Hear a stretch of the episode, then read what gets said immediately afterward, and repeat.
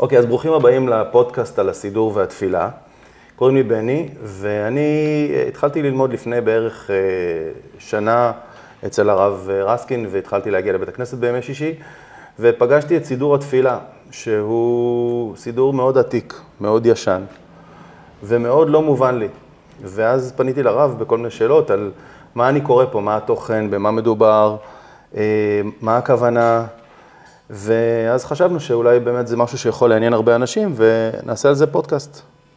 ברוך השם, מתחילים. אז בבקשה.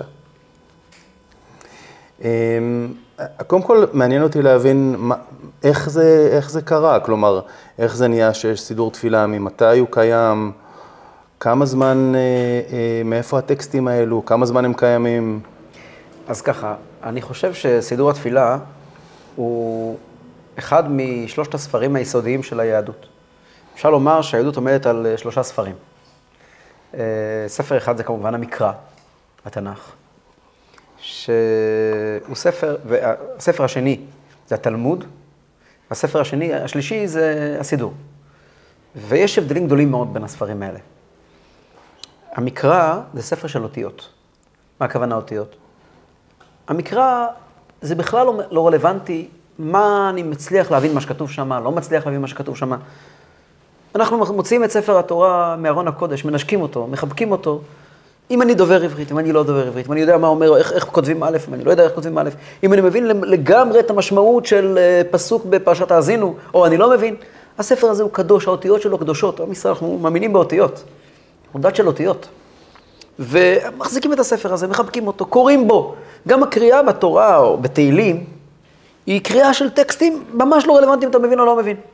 אנשים אומרים תהילים, אומרים, אומרים, אומרים, רוב רובם של אומרי התהילים לא מבינים מילה אחת ממה שהם אומרים. זה חלק מהמקרא. מקרא זה אותיות קדושות, שנמסרו לנו מן השמיים. הקצה ההפוך של המקרא זה התלמוד.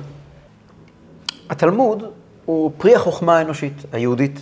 הוא גם מן השמיים, כמו התורה שבכתב, אבל הוא יותר איך להגיד את זה, הרמב"ם כותב שיש חלקים בתורה שבעל פה שבהחלט הם התפתחות אנושית.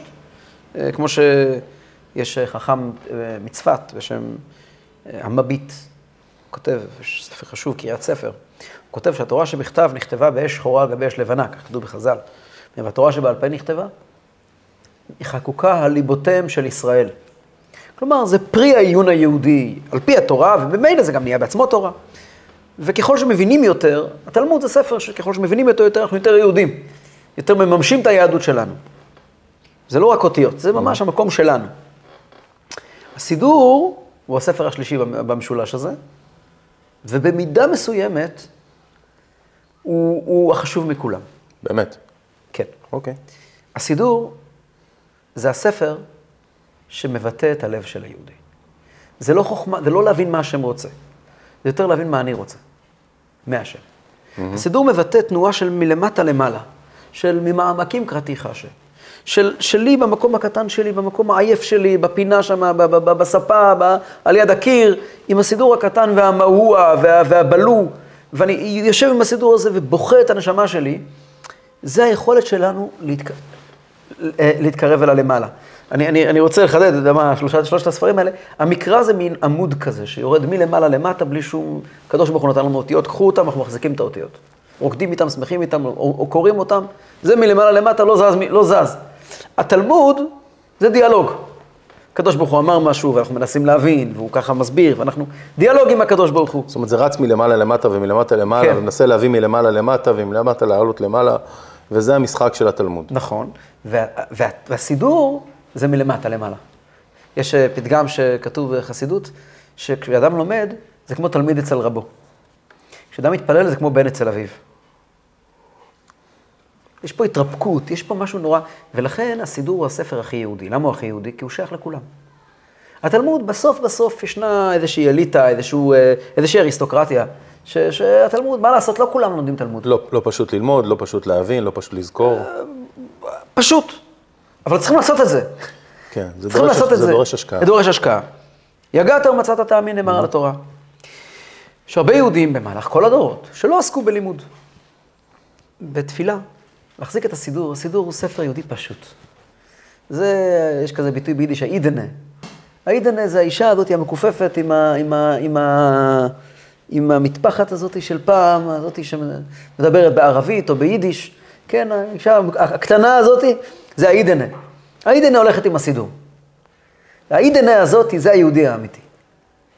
אז גם כשהבן אדם נהיה מודרני, וביד שלו כבר יש טאבלט, ואייפון 6, 7, וכל כולו חוכמולוג גדול. 14. באותם רגעים, אה? 14, 14. סליחה, כן. באותם רגעים שהוא מתיישב עם הסידור, בבית הכנסת, עם הכיפה על הראש, בצד, עם הטלית, באותם רגעים הוא חוזר להיות אידנה. הוא חוזר להיות היהודי הפשוט, מהשטייטל, מהמלאך במרוקו, הוא חוזר להיות היהודי, ילד אצל אביו. אז אוקיי. okay. שאלת איך התפתח הסידור. כן, אז מי כתב אותו בעצם? מי כתב את הסידור. אז uh, הסידור, יש בו הרבה מאוד חלקים. אנחנו מדברים על, לא על התפילה, על הסידור. סידור יש המון חלקים. Uh, הוא מרובד, בעצם, סידור נקרא סידור, כי הוא מסדר לנו את היום, סדר היום. מתחיל מההשכמה עד, אני, עד השינה. עד השינה, וגם לאורך כל מעגל השנה, כן. וגם מעגל החיים, ו- וגם מעגל שבועי. מעגל שבועי ומעגל יש פה- החיים. יש פה באמת, הוא, הוא עוסק בהמון מעגלים קטנים של האדם בחיים שלו, מעגל היומי, הוא המעגל מלווה את האדם השבועי, כל הזמן. מעגל השנתי ומעגל החיים. אוקיי. כן, יש שם ממודה אני ועד אה, קריאת שמע של המיטה, מערבית שחרית. למוצאי שבת ועד מנחה לערב שבת, ו- ומברית מילה ועד אה, וידוי קודם הפטירה. הכל נמצא בסידור. אה, וכל חלק בסידור נכתב על ידי אנשים אחרים, במהלך הרבה מאוד דורות. אה, אפשר להגיד, הבסיס של הסידור, של התפילה בטח, זה שני חלקים, זה קריאת שמע, שזה חלק מהתורה. כן. אז זה נכתב על ידי משה רבינו, קריאת שמע, והבסיס של הסידור, של נוסח התפילה, נכתב על ידי אנשי כנסת הגדולה. שזה מתי בערך? שזה חכמים שהיו כאן בארץ ישראל בתקופת שיבת ציון. שיבת ציון זה כאשר הגיעו לארץ, אחרי גלות בבל, הגיעו לארץ אה, עזרא ונחמיה ומרדכי היהודי וחגי, זכריה ומלאכי ועוד קבוצה חשובה של חכמים, 120 חכמים, שהקימו כאן אה, גוף מאוד מאוד מאוד מאוד חשוב, שנקרא כנסת הגדולה. 120 חכמים, אם זה מזכיר לך המספר הזה, משהו, לא סתם. לא סתם. הסיבה שבאמת אה, כנסת ישראל מונה 120 חברים זה בגלל הכנסת הגדולה. Mm, אוקיי, מעניין. הכנסת הגדולה היה גוף מחוקק עליון, שהגיע ושאל את עצמו שאלות מאוד מאוד יסודיות. הם באו ושאלו את עצמם שאלות בסיס קיומיות של מה זה יהודי. אה, גם מי הוא יהודי הם שאלו, אבל הם בעיקר שאלו מה זה יהודי. וזאת הייתה שאלה מאוד מאוד משמעותית, כי בעצם הקמת בית שני, שזה היה מפעל חייהם, הייתה שונה לחלוטין מבית ראשון. בית ראשון הוקם על ידי שלמה המלך, בנו של דוד המלך, בתקופת הממלכה המאוחדת. כשהיה מאוד מאוד ברור שאנחנו נמצאים בטריטוריה שלנו, 12 שבטים, 13 שבטים, אה, פרוסים אה, בכל, בשני גדות לירדן, האחת שלנו והשנייה גם כן, שתי גדות לירדן, כן? כן, זו שלנו זו גם כן. זו שלנו וזו גם כן, ומגבת ואנטיפטרס ועד, אה, יודע מה, ועד למבוא הערבה. כל אחד יושב על אדמתו, וכל שבט מאוד מאוד מובחן. אה, כל שבט יש לו את, ההגייה שלו. כן, יש, אנחנו יודעים, במקרא הופיע ששבט אה, אפרים, לא ידעו להגיד שין, הם אמרו רק סין. אוקיי. היה להם מבטא שונה.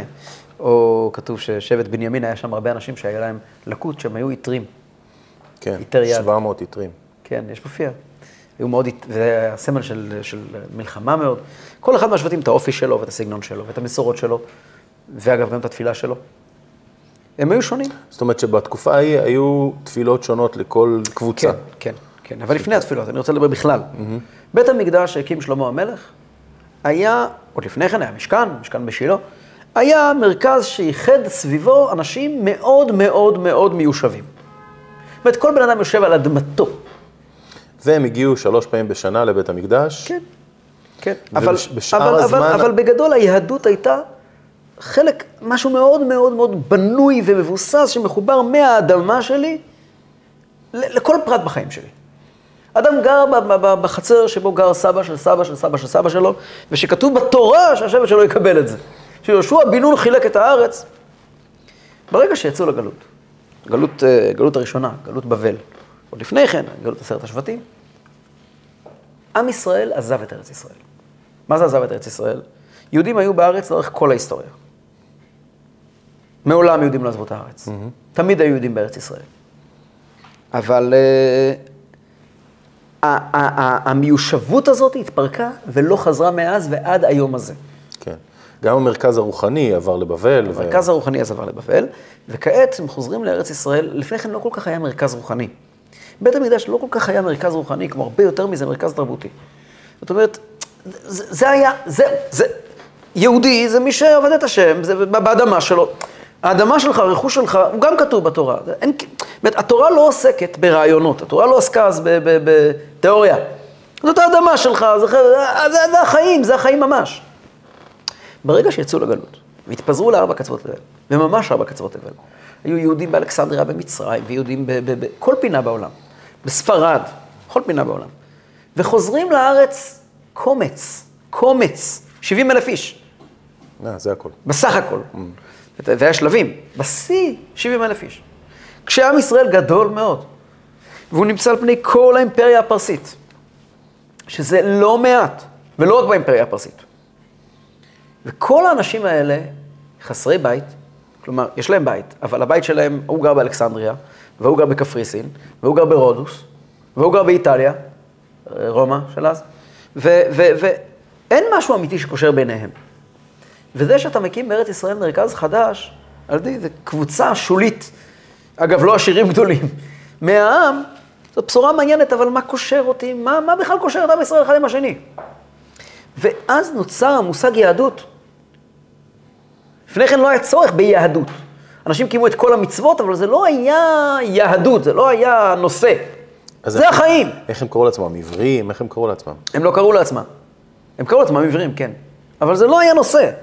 פתאום פה היהודים הפכו להיות משהו מובחן. ועמדו אנשי כנסת גדולה ושאלו את עצמם, מה מאפיין את היהודי כיהודי? וקמו ותיקנו שורה ארוכה מאוד של תקנות. ארוכה מאוד, גאונית, שכוללת המון המון המון המון פרטים, ובעצם יצרו את דמותו של היהודי. ו, ומאז, יש המון דברים שקושרים את כל היהודים בעולם. למשל, הם תיקנו את פורים.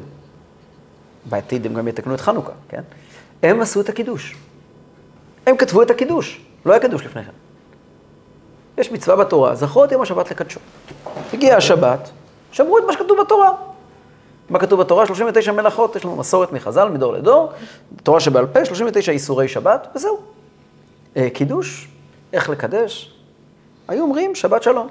זאת אומרת, יכול להיות שהיה איזשהו משהו שהכניס אותם לשבת והוציא כן. אותם, אבל זה לא היה משהו מסודר או מובן. הגיעו וכתבו נוסח, או ברור. ברוך אתה השם, לקחת כוס יין, לשים את זה על היד, להדליק נרות.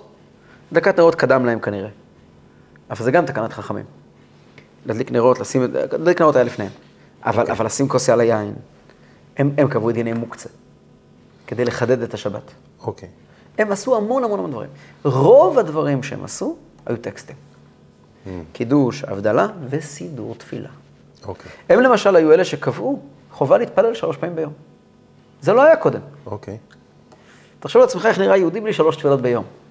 זה, זה, זה, זה יהדות בלי שלוש תפילות ביום.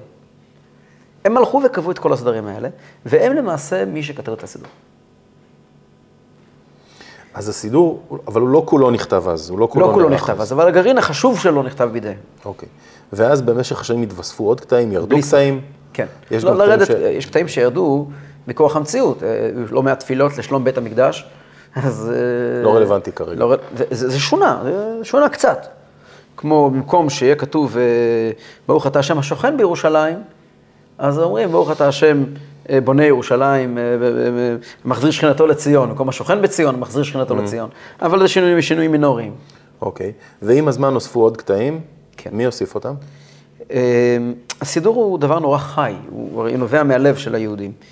אני חושב שהקטע האחרון שנוסף בסידור, לפחות הסידור שלנו, סידור חב"ד, שאני מתפלל, אני חושב שהקטע האחרון שנוסף זה קטע ידיד נפש ששרים בערב שבת, שאותו כתב אה, רבי אלעזר אזכרי, שהם מתלמידי הארי ז"ל.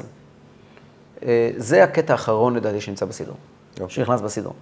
ויש סידורים שונים, כלומר, יש אה, נוסחים שונים. נוסחים שונים זה נושא שאנחנו נקדיש לו בעזרת השם מפגש בפני עצמו, איך נוצרו הנוסחאות השונים. מצוין. אז בעצם השאלה מבחינתי הבסיסית היא, למה אני צריך בכלל סידור? למה אני צריך שמישהו יכתוב אה. יכתוב לי מה להגיד, ובטח מישהו שחי לפני אלפיים אה, שנה, או ארבע מאות שנה במקרה הטוב, איך הוא קשור אליי היום?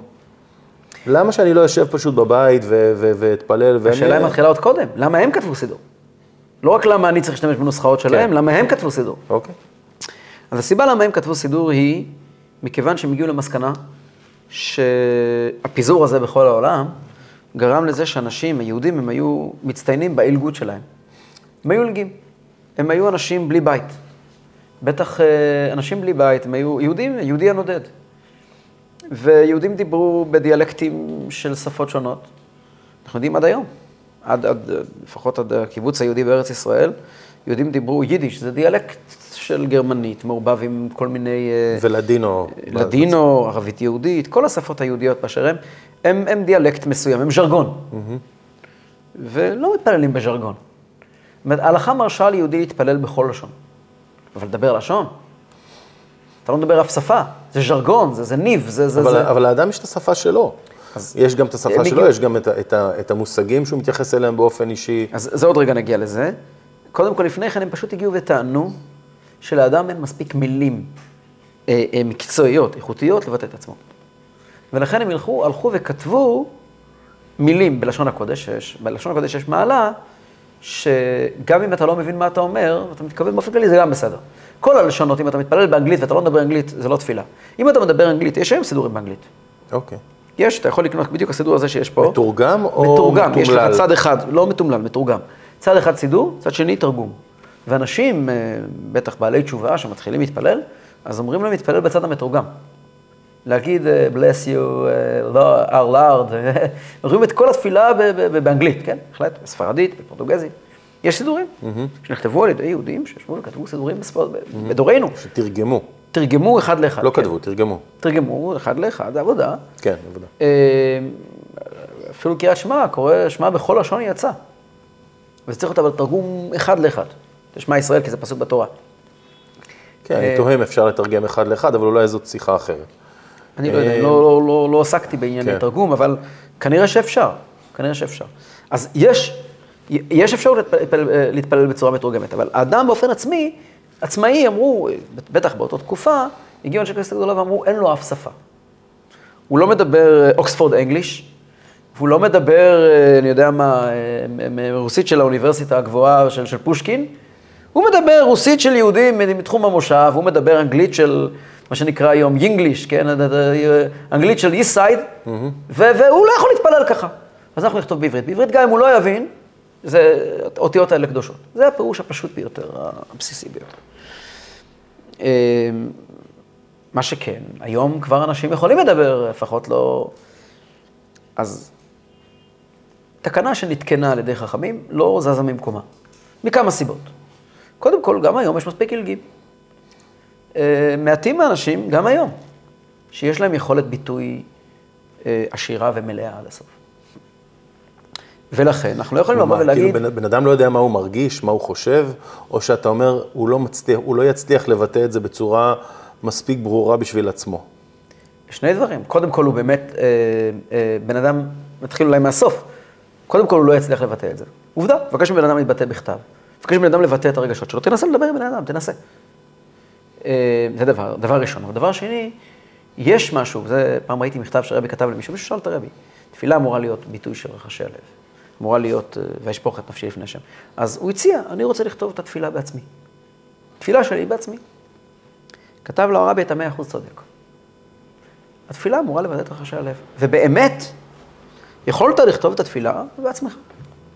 יש רק בעיה אחת, שכשאתה תכתוב את התפילה בעצמך, תצליח לבטא את עצמך לאותו רגע. לאותו רגע, ברובד המסוים שאתה יודע להכיר את עצמך ומגיע אל עצמך. באותו רגע. באותו רגע. חמש דקות אחרי זה, במצב רוח אחר זה כבר לא יהיה רלוונטי. חכמי אנשי כנסת הגדולה, אבל זה, אבל זה גם בסדר, כלומר, זה גם טוב. זה, לא רק זה טוב, זה, זאת, אתה זאת צריך תפילה, את זה לפעמים. מצוין, מצוין. אנשי כנסת הגדולה תיקנו תפילה, הם לא באו לבטל את חובת התפילה מן התורה. חובת התפילה מן התורה, לפחות לפי דעת הרמב"ן, זה כאשר לאדם יש מצוקה, שיפנה לקדוש ברוך הוא ואומר, אלוקים תעזור לי, בשפה שלו. וזו תפילה לכל דבר. זה אפילו יותר במידה הלכתית, יש לזה מעלה על התפילה, יש לזה פור על התפילה שאנחנו מתפללים, שזו תפילה דאורייתא, שאדם מתפלל בעת צרה, באנגלית, בסינית, בפורטוגזית, בדיאלקט של, לא משנה. כשחכמים הגיעו וקבעו שעות תפילה וזמני תפילה, הם קבעו נוסח תפילה.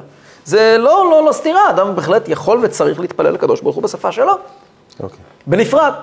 הרבי כתב לאותו יהודי, יהודי כתב לרבי מלובביץ', אני רוצה... אז הרבי כתב לו, וזה רעיון מאוד עמוק.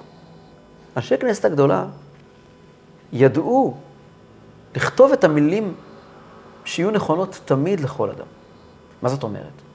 לפעמים קורה לך שאתה קורא איזה שיר טוב, ואתה אומר, וואו, הוא, הוא, הוא אומר את זה, אתה מתרגש משיר טוב, כן. מכתיבה טובה. כן. אתה מתרגש ואתה אומר, לא יכולתי, לא, לא, אני לא הכרתי עד כמה הדברים האלה מעוררים אצלי אמוציות, או נוגעים בי באיזה שהם רבדים. אה, הם היו חכמים מחוכמים, הם הצליחו לגעת בכל ההיסטוריה כולה.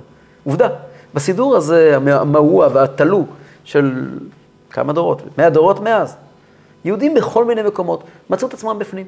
בתוך המילים האלה, העתיקות האלה, יהודים ידעו למצוא את עצמם בכל מיני מצבים, בכל מיני מקומות, ולדבוק במילים האלה ולמצוא בהם את עצמם. ויותר מזה, מישהו פעם הגיע לרב הדין, מישהו פעם הגיע לרב הדין שטיינזלץ ואמר לו שהתפילה משעממת. כל יום אותם מילים, אותם מילים. אמר לו, תפילה לא משעממת, אתה משעמם. אתה יכול להתחדש בתוך התפילה. כן. כן, האמת שזה נכון לכל דבר שאתה באמת מעורב בו. גם אה, משחק כדורגל הוא משעמם, אה, אלא אם אתה משחק, באמת. יש פה עוד, עוד, עוד, עוד נקודה מעניינת, נכון. יש פה עוד נקודה מעניינת שאני רוצה, רק כדי, מה שנקרא, להשלים, שיהיה עגול. אה, אדמו"ר הזקן, בעל התניא, כותב כמה וכמה פעמים. כותב בתניא ובעוד מקומות, שהקדוש ברוך הוא מתגלה דרך אותיות התפילה. דבר מעניין, שבאותיות האלה שנמצאים בסידור, יש להם אותיות תמיד, זה עניין של התגלות. עתה, א' ת', זה, זה, זה מילים, זה שורש שקשור להתגלות, כמו, יש פסוק עתה בוקר, הגיע הבוקר, מגיע אור. האותיות של התפילה, יש בהם משהו, אלמנט שדומה לחומש, למקרא שדיברנו עליו. אגב, באמת רוב, רוב הסידור הוא מקרא, רוב הסידור הוא תהילים. אבל משהו שם מתגלה, אדם מתפלל ויש לו יכולת לחוש קדושה בתוך האותיות. כאילו האותיות מפנות את המקום שלהם ויוצרות מין תמונה כזאת מתוך כל האותיות, ואדם יכול להרגיש את הקדוש ברוך הוא בתוך זה. אבל זה אולי להזדמנות אחרת, על איך מתפללים. יופי. היה מאוד מעניין, תודה רבה. תודה רבה, בני. נתראה בקרוב.